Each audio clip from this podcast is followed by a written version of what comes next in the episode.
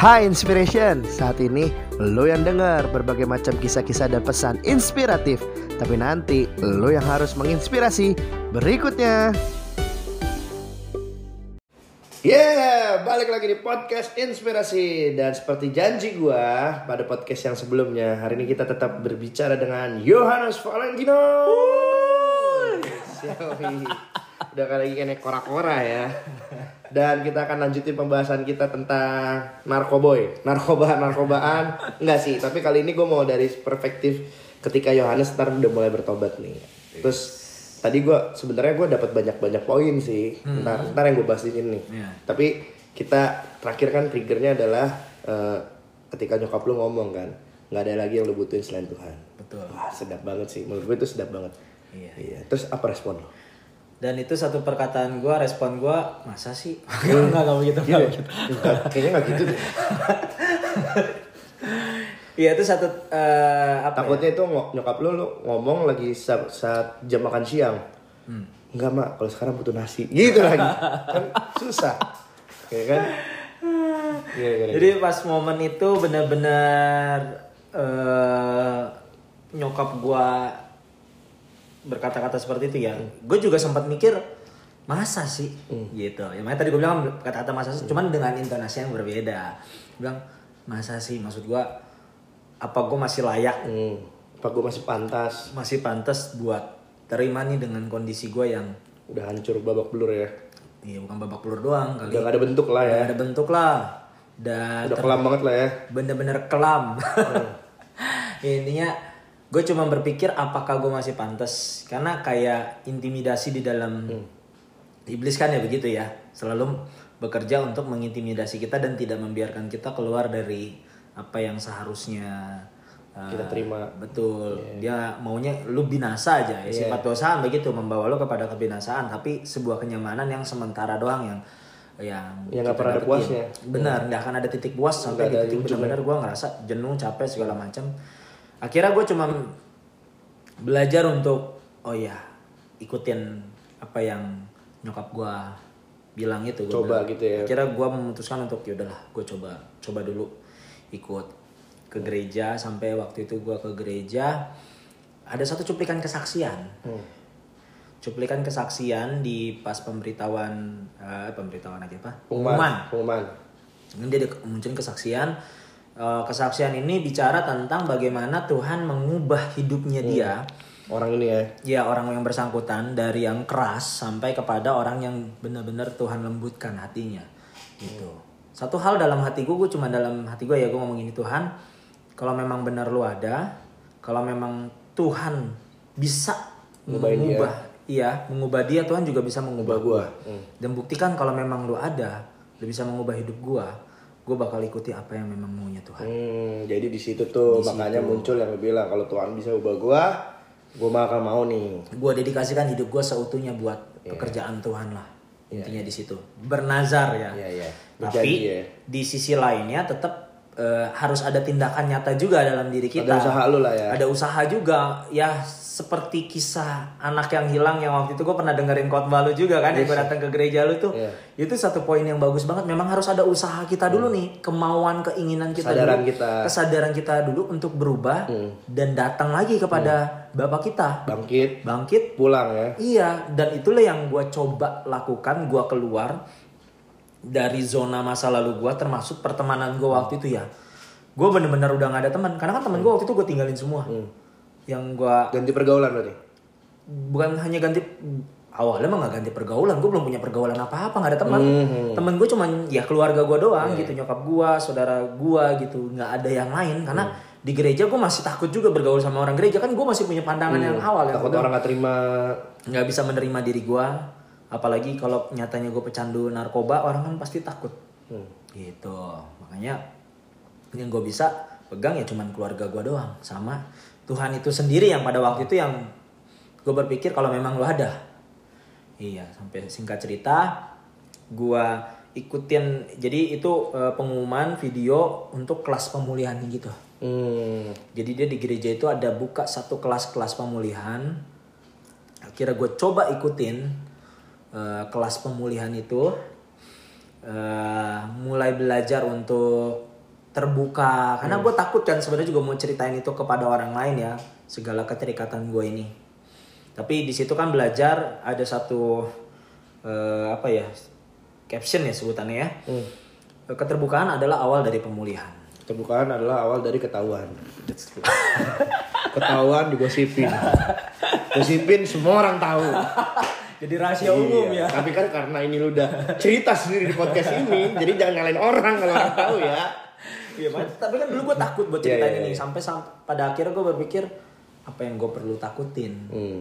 toh yang merubah ini semua kan Tuhan Ya. justru gue berharap dengan kesaksian gue ini ya teman-teman jadi termotivasi Iya. untuk bisa berubah bahwa ada Tuhan yang ternyata bisa lo terima kita apa adanya Iya. tanpa memandang masa lalu tanpa mengingat masa lalu kita dia benar-benar Tanpa mengungkit-ngungkit. tanpa mengungkit-ngungkit kalau Orang manusia- masih bisa sering ngungkit kan. bukan ngungkit lagi diingetin terus Diingetin, lu gak inget dulu lu gimana?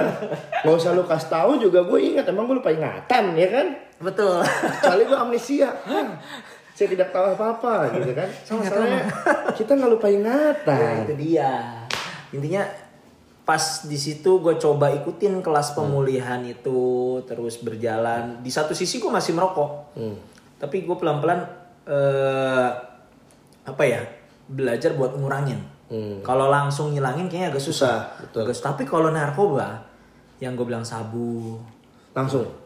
Itu bener-bener kasih karunia Tuhan. Ya gue nggak tahu ya mungkin orang punya pengalaman yang berbeda yang mungkin ada ekstrim lebih ekstrim dari gue tapi gue waktu itu bener-bener ngalamin kasih karunia Tuhan. Gue tiba-tiba nggak ada keinginan lagi Tapi untuk nyentuh itu. Nggak ini loh. kagak ada suges. Kan dibilang gue waktu dulu ngomongin begitu Iya, suges. ngeliat sedotan bengkok suges. Tapi waktu itu gue bener-bener kayak satu hasrat tuh hilang. Wah. makanya gue bilang itu karena anugerah Tuhan doang. Hasrat lo diubah jadi pengen cari Tuhan.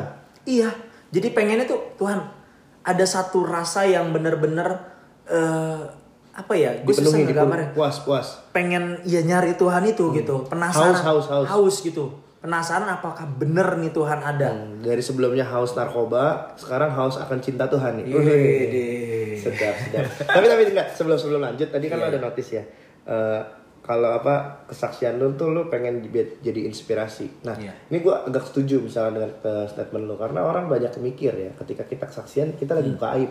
Nah, nah ini gua mau ingetin nih buat temen-temen nih kesaksian itu bukan kita lagi buka aib.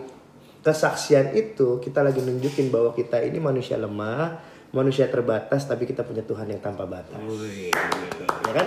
That's why kalau lu dengar kesaksian gua, kalau kalian juga dengar kesaksian Anas, Anas sendiri sampai bingung. Ya kalau bukan Tuhan mah gua nggak mungkin. Ya emang karena bukan kalau bukan Tuhan ya nggak bakal mungkin kita bisa sampai sekarang ini. So bagi gue itu bukan aib. Karena iblis akan terus bilang kan, ah lu nggak ada malunya lu gini. Justru gua lagi mempermalukan iblis dengan kesaksian dia. Kan dulu gue terikat. setuju. Justru kan gue jadi orang merdeka nih. Yes. Gitu kurang lebih ya kan. Lanjut lanjut lanjut. Sama kayak gini kan eh, nyambung lagi. Makanya gue selalu apa-apa bilangnya semua tuh kan anugerah Tuhan. Iya. Ada orang bilang ah dikit lah. Makanya ada lagunya kan. Semua karena anugerahmu. Tapi ada orang yang bilang gini, ah lebay lu dikit-dikit Tuhan, Tuhan, dikit-dikit dikit. Tuhan. Masalah gini, hidup gua diubahkannya sama Tuhan. Iya. Karena bener, nggak ada satu manusia pun yang bisa mengubah hidup gua, termasuk nyokap gua. Hmm. Nyokap gua berapa kali kan ngajak, ngajak, ngajak, mental terus kan. Mental terus sampai pada akhirnya gue percaya yang bisa mengubah itu memang cuma Tuhan. Hmm. Ya, Meskipun balik lagi gue juga eh, ngelihat gitu Iya. ada satu hal yang nyokap lu nggak pernah nyerah. Nah, ada orang yang berjuang, Iya, berdoa. Banyak kan kisah-kisah hal gitu. Naruh lututnya, naruh air matanya buat hidup lu. Nah, ada satu orang yang memperjuangkan Makanya nih teman-teman nih kalau teman-teman punya eh, teman-teman yang lagi teman-teman doain, jangan berhenti berdoa. betul karena Doain terus aja. Kalau belum hari ini, mungkin besok iya. Kalau belum besok, mungkin tahun depan iya. Atau- Kalau tahun depan belum juga, ya semoga jadi panggil Tuhan lah segera. jadi lu bisa doain juga kan. Aduh, enggak. Gue juga punya pengalaman kayak Iya, gitu. iya. Hari ini bilang tidak, belum bukan artinya besok bilang tidak. Bukan artinya tahun depan bilang tidak. Bukan artinya lima tahun lagi bilang tidak. Iya. Intinya jangan pernah nyerah aja. Kita buat terus berjuang, berdoa, plus jangkau hidupnya. Amin. Gitu. Luar biasa. Ya udah ya udah selesai aja yuk. Selesai aja. Kelar udah ya. Ya gitu gitu. ya, ini titik balik gue di situlah. Gue coba ikutin Hmm. eh, apa namanya Flow-nya aja ya. ya ikutin kelas demi kelas tapi sebenarnya gue makanya gue nih lagi berusaha mengingat-ingat karena ingatan gue juga udah agak-agak gimana ya waktu Efek obat, efek obat. Katanya kan gitu ke syaraf kan. se- semua tuh ada efek sampingnya ada efek sampingnya sampai detik ini pun gue masih merasa gue punya tenggorokan sedikit bermasalah karena dulu setiap abis pakai ada basiannya sebutannya basian. Ampasnya ya. ampasannya. Itu Keteh sisanya tuh. eh, ke tenggorokan gue tuh suka ada lendir. Hmm. ya nggak tahu ya karena asam lambung atau apa tapi gue merasanya dulu gue nggak begitu tapi semenjak gue habis make sering begitu. Hmm. sering kalau udah habis basian gue ngeludah melulu ngereak terus. Nah sampai detik ini itu ke bawah makanya kenapa gue kerap kali selalu bawa permen.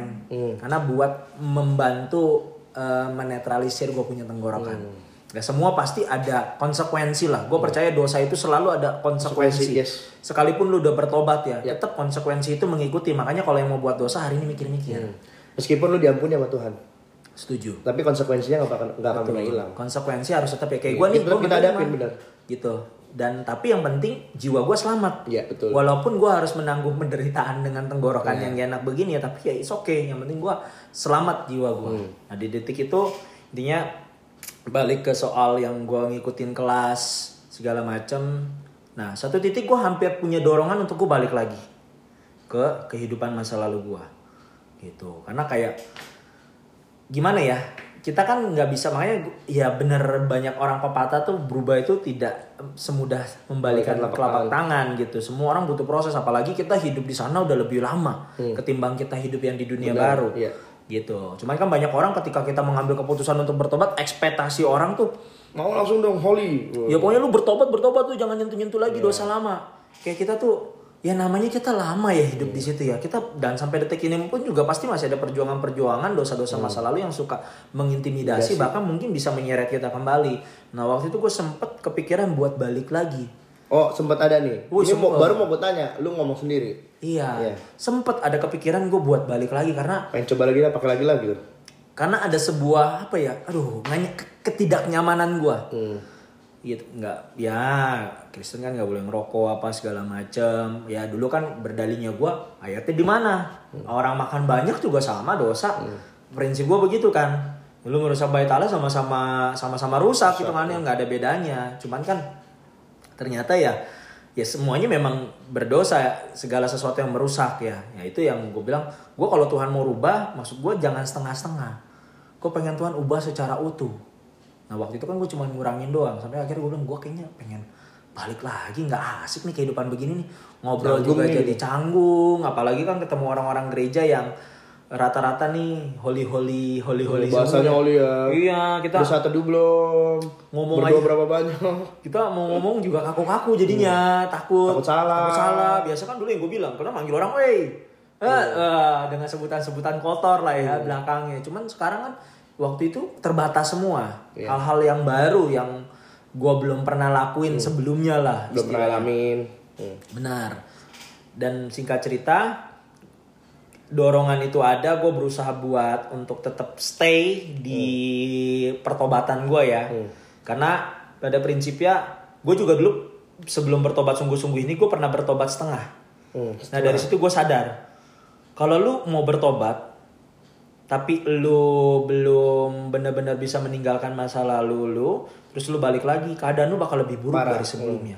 Dan ini gue pernah alamin itu. Gue dulu pernah gara-gara pengen mengejar perempuan ya perempuannya orang benar. Ini kan belum tadi gue ceritain tuh yang di sebelumnya. Berusaha buat jadi benar juga dong ke gereja juga cuma buat ini doang. Biar dia mau. iya dong dia udah mau mah gue berhenti lagi gereja Udah mau ya selesai. Ya itu yang biasanya terjadi. Iya gue sempet kepik sempet begitu. Jadi ya makanya kenapa Tuhan itu nggak suka yang abu-abu. Hmm. Ya. Suam-suam kuku kalau bahasa Suam-suam Alkitab tuh kuku. ya. Iya kan di muka. Panas panas sekalian. Iya. Dingin dingin sekalian lu. Jangan kamu nggak dingin nggak Ah, panas. suam-suam kuku gue muntahin. gue waktu itu suam-suam kuku. Hingga pada akhirnya keadaan gue jauh lebih buruk dari yang sebelumnya. Dan di hal inilah gue belajar. Gue nggak mau kejadian yang pernah gue alamin ini Terjadi lagi. terjadi lagi. Sampai pada akhirnya gue bilang Tuhan gue pengen bener-bener Hmm. Sungguh-sungguh gue mau ninggalin semuanya. Gue udah di titik capek, bener-bener capek gue. Ya kayak Daud kali ya. Daud kan ngomong sama Tuhan tuh apa adanya dan ya gue ngomong bener-bener apa adanya. Gue capek. Gue nggak mau begini terus. Gue nggak mau terikat. Stres lu terikat begitu. Iya. Banyak orang mikir itu malah bebas ya. Iya. Gue mau gue eh, capek jadi orang Kristen, apa-apa nggak boleh, dikit-dikit nggak boleh. Justru malahan kita yang punya kebebasannya. Lu lagi ngalamin itu kan malah nggak bebas. Dikit-dikit pengennya pakai lagi, ngeliat sedotan aja pengennya pakai lagi. Yang terikat siapa tuh jadi? Gua. Iya kan, malah kebalik-balik di pikiran orang nih. Bener. Iya kan? di situ nggak ada kebebasan yang Nggak ada kebebasan. Lu semua serba Nggak bisa milih. Nggak bisa milih karena, lu Karena badan lu nagih. betul. Wah, gue mesti pakai, gue mesti pakai gitu Di kan. tengah lu nggak punya duit lu. Nah, nyolong, Nggak jadi nyopet. ujung-ujungnya ketidakjujuran tuh timbul dari situ. Iya. Menurut gua ya. Jadi orang tuh ya bisa bohong tuh di situ karena ya lu bakal menghalalkan segala cara buat lu bisa. Ya makanya gue selalu bilang, jangan tutupi dosa dengan dosa. Yes. Nggak akan pernah beres. Benar. Nggak akan pernah habis. Ini kan gitu. Mau make nggak ada duit nyolong. Ya itu dosa dengan dosa. Nggak akan ada habisnya tuh. Betul. Lingkaran maut itu. Betul. ya kan ujungnya apa? Ya jurang maut. intinya. Benar benar benar. Tapi eh, sebelum gue lupa nih, tadi gue juga ada dapat poin dari yang lu bahas. Kan lu ada tingkatannya nih, udah kayak main game ya. Yoi. Dari rokok, alkohol, ganja, naik terus. Tapi emang itu cara kerja dosa bro. Hmm. Dosa itu nggak pernah buat kita puas. Ya. Selalu ada mau lebihnya. Sama kan kayak orang-orang anak-anak muda yang terjebak di pacaran gak kudus. Hmm. Awalnya dari gandengan tangan. Gandengan tangan, eh kayaknya kurang kalau cuma gandengan tangan. Rangkul dong. Rangkul. Selesai rangkul apa? Boleh kali peluk-peluk dikit, peluk. Habis peluk apa? Cium pipi lah, cium pipi, cium pipi. Cium jidat dong, cium jidat. Cium jidat. Hidung, hidung, hidung. Nah, hidung. Hidung kan udah deket bibir nih. Enggak, cuma nempel doang nggak nafsu. Nempel. Baru abis itu, ya kan, French kiss lah, apa segala macam. Ya mulai. Ntar, jatuh ke dalam dosa seks. Sampai sampai habis ke dosa seks apa? Nggak akan pernah habis, nggak akan pernah puas. Terus lagi. Makanya dosa tuh cara kerjanya gitu tuh. Selalu Dia tidak akan pernah memuaskan. Karena nggak ada nggak ada nggak ada kepuasan. Semu. Makanya kalau kita lagi jatuh dalam dosa, coba deh perhatiin ya teman-teman juga ya semua ya. Ketika kita lakukan mungkin seneng. Selesai lakukannya nyesel. Betul. Kalau itu sih gue sering kali gitu ya. Eh, kalau lagi jatuh dalam dosa nih, misalkan waktu berbuat apa gitu ya, terus pas ngelakuinnya seneng. Wah enak ya. Selesai lakuinnya, ngapain nih gue kayak gini? Tapi dulu gua nggak nyesel loh. Nyesel? bang- bangga gitu. Bangga. Woi, gua kuat, gua keren. berhasil. Gitu. Emang emang emang beda sih lu. Emang beda. Tapi bener-bener. Eh, makanya kenapa gue punya statement gini. Orang kalau lagi nyaman di dalam dosa, lu mau ngomongin kayak gimana, sampai mulut amat. lu berbusa juga nggak bakal mental. Tapi intinya tetap Gak jangan. bakal terima. Iya nggak bakal. Iya bak- bak- pasti Bakal bakal, mental. Iya. Nggak bakal diterima sama dia karena gue lagi nyaman di situ. Gue lagi Lagi menikmati. enak. Hmm. Lagi lagi enak-enaknya. Makanya gue kenapa kalau ngeliat teman-teman anak-anak muda yang lagi itu, ya lu kalau lu mau begitu ya silakan aja. Penting ingat Jangan ada lupa, ada konsekuensi. betul. Itu yang pertama. Yang kedua nggak ada kepuasan di dalam situ. Lu mau ujungnya nggak akan ada ujungnya. Gak ada ujungnya. Nggak akan Nagih terus. akan terus meningkat yang ada lu gila gue ngapain Kan orang nggak nggak akan tahu ya kalau kita bilang jangan free sex misalkan, Hmm. jangan lakuin seks di luar nikah. Tapi mereka ah bodo amat orang enak, orang gue suka, orang sama-sama mau. Sampai akhirnya nanti hamil di luar nikah, nah itu baru pucat ya kan. Baru tahu tuh. Karena orang mikirnya ya udah tak kalau hamil tinggal gue tanggung jawab. Weh hidup gak seindah itu bro, gitu kan. nggak seindah itu Ferguson Iya. Kalau hidup seindah itu mah enak. Lu nggak tahu berkeluarga itu ada babaknya lagi gitu kan? Ya kayak gitu lah kurang lebih. Tapi akhirnya lu dapet turning point ya untuk kembali sama Tuhan meskipun hanya karena awalnya kan dipaksa-paksa nyokap, diajak-ajak nyokap. Tapi akhirnya lu ada usaha lu sendiri tuh tadi gue lihat. Iya. Terus lu berdoa, bergumul lah kalau ada bahasa Kristennya nih ya. Iya. Lu bergumul sama Tuhan, tuh lu bilang Tuhan, kalau emang lu mau ubahin gue, ayo ubahin gue gak mau gak mau setengah-setengah. Tapi gue yakin prosesnya gak semudah itu. bener-bener nggak mudah ya yang gue bilang apalagi khususnya buat pecandu rokok ya Hmm. gue ngerti banget makanya kenapa teman-teman pecandu rokok susah banget buat berhenti dari rokok Hmm. mungkin lu juga pernah ngerokok kan Enggak. Oh, lu nggak nggak nggak ngerokok gila Gue kayak gitu-gituan enggak. gue bicara sama orang kudus banget ya. Yoi. Beda beda dosa aja mungkin Iya. Beda jenis gitu. oh beda jenis Kalau sama nggak enak seragam Oh, semua sama. kan. Kalau kayak gini kan lu bisa cerita bagian itu, gue bisa cerita bagian gua. bener bener, Iya kan? bener.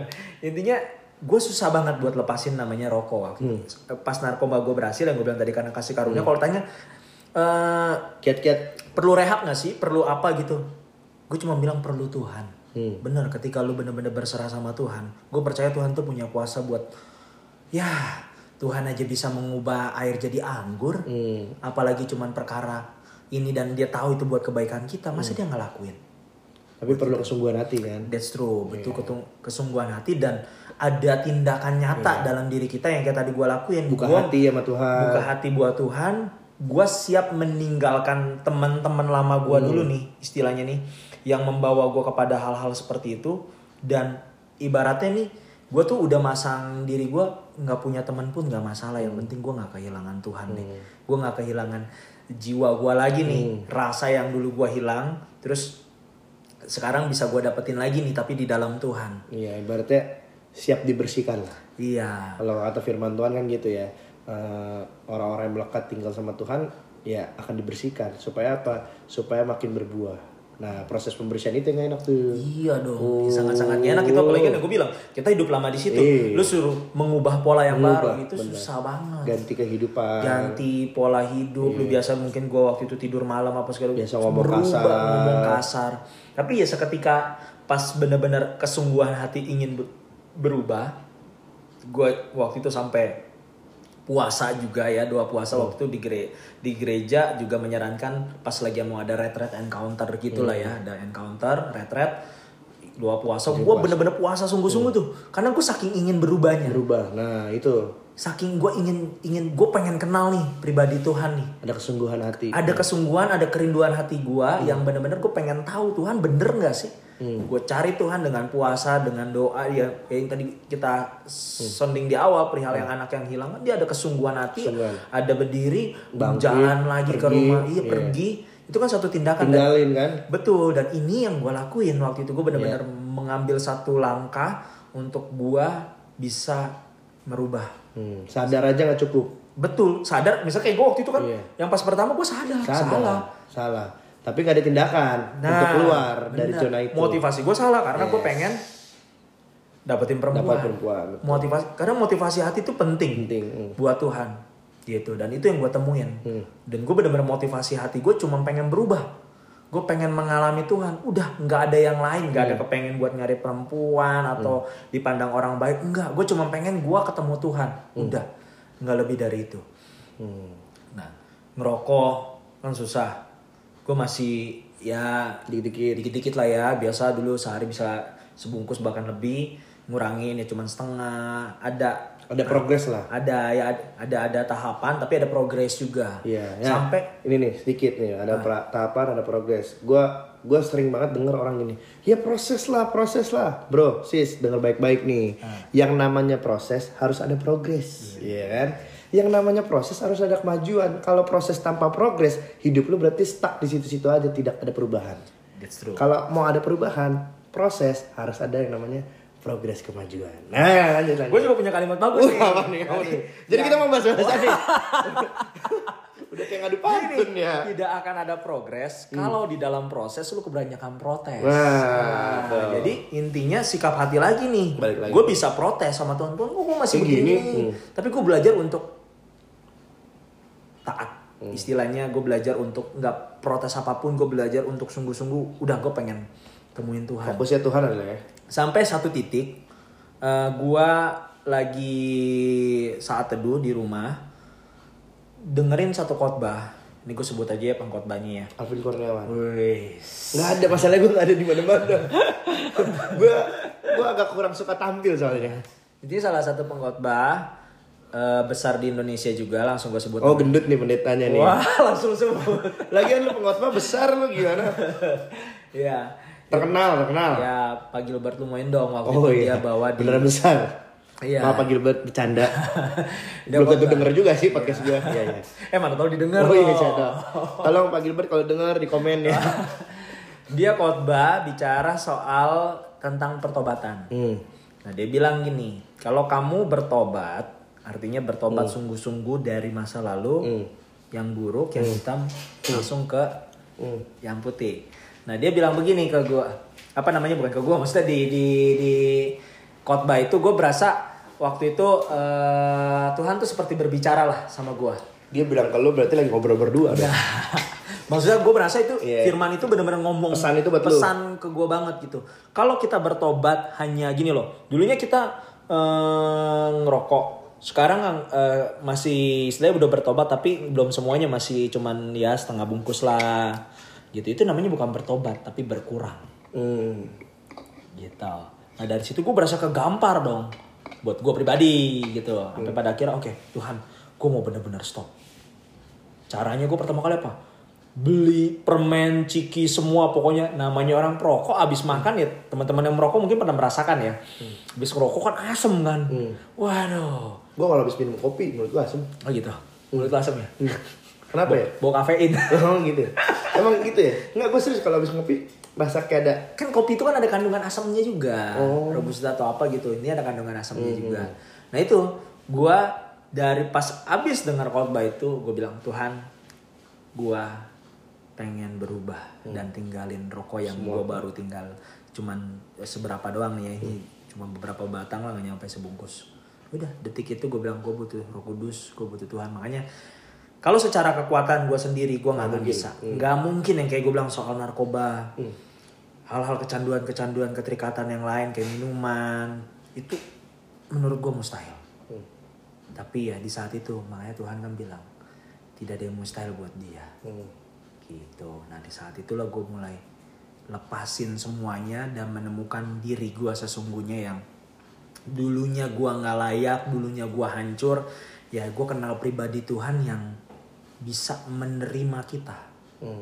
gitu makanya firman Tuhan bilang kan barang siapa mengaku dosa maka dia Yang setia dan adil Iya. akan mengampuni. Nah, itu dia yang gua alami dalam hidup gua dari proses pertobatan itu ya dan sampai detik ini nah hal-hal yang narkoba, rokok udah sama sekali. Walaupun sekarang jenisnya udah mulai ada timbul macam-macam yang baru Macam-macam kayak aneh-aneh. vape gitu ya.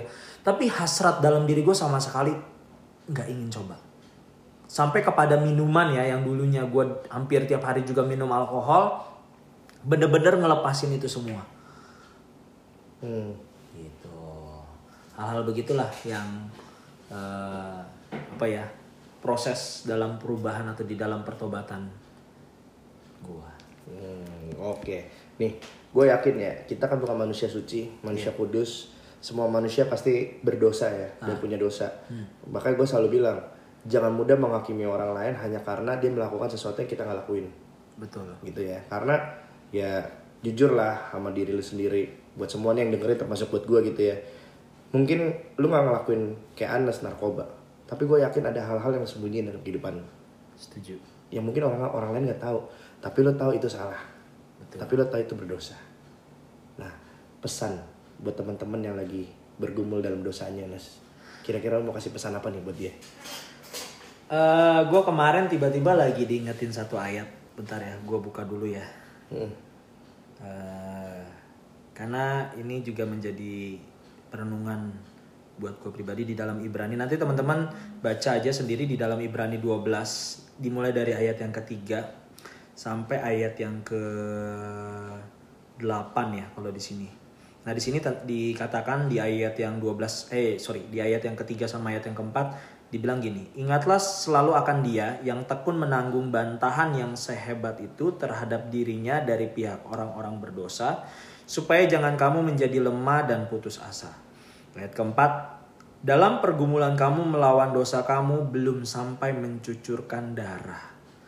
Nah, di ayat yang kelima ke enam dan sudah lupakah lupakah kamu akan nasihat yang bi- berbicara kepadamu seperti kepada anak-anak, hai anakku, janganlah anggap enteng didikan Tuhan dan janganlah putus asa apabila engkau diperingatkannya. Karena Tuhan menghajar orang yang dikasihinya dan ia menyesa orang yang diakuinya sebagai anak. Hmm. Jadi buat teman-teman yang lagi bergumul melawan dosa hal-hal apa pun yang sekarang lagi struggle mereka lah ya. Hmm.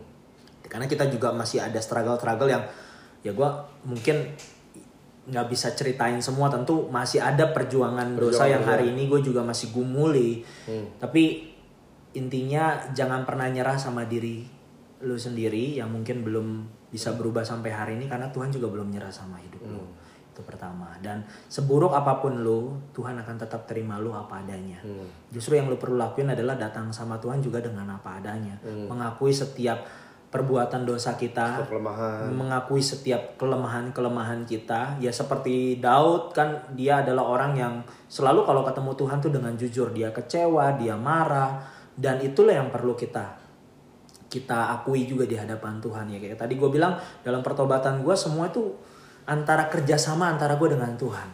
Jadi bukan cuma kita mengharapkan Tuhan untuk Tuhan gue ingin berubah tapi hanya sebuah keinginan dan dari kita pun juga harus ada sebuah tindakan harus ada sebuah perbuatan yang kita lakuin yang dari tadi kita juga sounding itu kan harus ada dorongan juga dalam diri kita yang mau melakukan perubahan itu dan jangan putus asa karena pasti namanya kita lama mungkin jatuh di dalam situ ataupun yang mungkin hari-hari ini baru ya jatuh dalam dosa tertentu buat gua buru-buru balik sebelum lu akan semakin dalam dan semakin, jatuh. Semakin tinggal di situ ya. Iya. Jadi pesan gua adalah jangan mau terbuai dengan hal-hal yang sepertinya mengikat atau menyenangkan sementara waktu. Ya contoh kayak tadi narkoba. Mungkin teman-teman ada yang ditawari secara gratis, pornografi, terus juga apa pun lah intinya. Lu nggak ngerokok, nggak gaul segala macam. Kayaknya orang gaul juga nggak perlu ngerokok kok. Kalau buat gua pribadi saat ini ya. Dan ya mungkin antara setuju dan gak setuju banyak teman-teman bilang tapi buat gue pribadi ya nggak ada hal yang nggak ada hal yang bisa kita apa ya untungkan di dalam situ Hmm. yang ada isinya cuman penyesalan karena sifat dosa itu kan pasti akan membawa kepada penyesalan di Iya. akhir Hmm. gitu. ya awalnya kita seneng kayak gue kan dulu seneng semuanya tapi setelah flashback sampai hari ini ketika gue lihat ya coba ya kalau dulu gue nggak begitu Ya, makanya Paulus bilang gitu ya, apa yang anggap keuntungan sekarang, Sekarang sampah bagi gue gua. anggap rugi Iya, nggak ada satupun betul. nggak ada satupun yang bangga gitu misalkan gue sebagai dulunya pecandu narkoba gitu sampai tadi gue cerita juga ngedarin nggak ada satu kebanggaan di dalam situ justru gue merasa nyesel kenapa Hmm. gitu Iya. ya mungkin teman-teman yang hari-hari ini masih tiba-tiba dengerin dan keinget untuk berbalik lebih baik Berbalik Iya. sebelum terlalu makin jauh. Iya.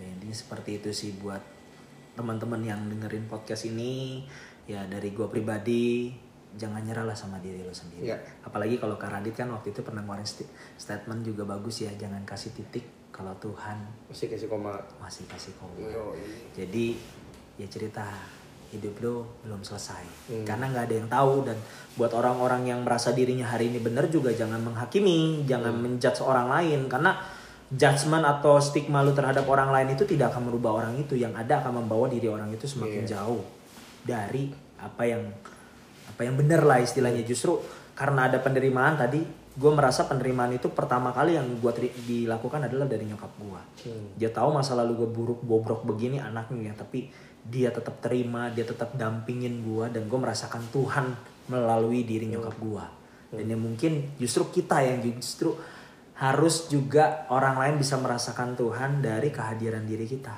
Iya. nah itulah yang gue rasain melalui nyokap gue makanya kalau dibilang bisa kesaksian hebat nyokap gue kali ya salah satunya dia melihat ntar nyokap lu gua ajak podcast lah. boleh juga. Perjuangan dia yang tidak henti-hentinya berdoa melihat anaknya yang dulunya udah dianggap gagal, sekolah putus. Kan pasti kan orang kan ngomong A B C D, nyokap gua harus tahan omongan-omongan itu semua. Dibilang orang tua yang gagal, anaknya nggak bisa ada yang kuliah apa segala macam tapi ya statement itu semua terbantahkan dan puji Tuhan hari ini dengan bangganya dia ya. Maksudnya melihat eh, bagaimana Tuhan bekerja atas hidupnya dia dan mengubah semuanya. Hmm. begitu.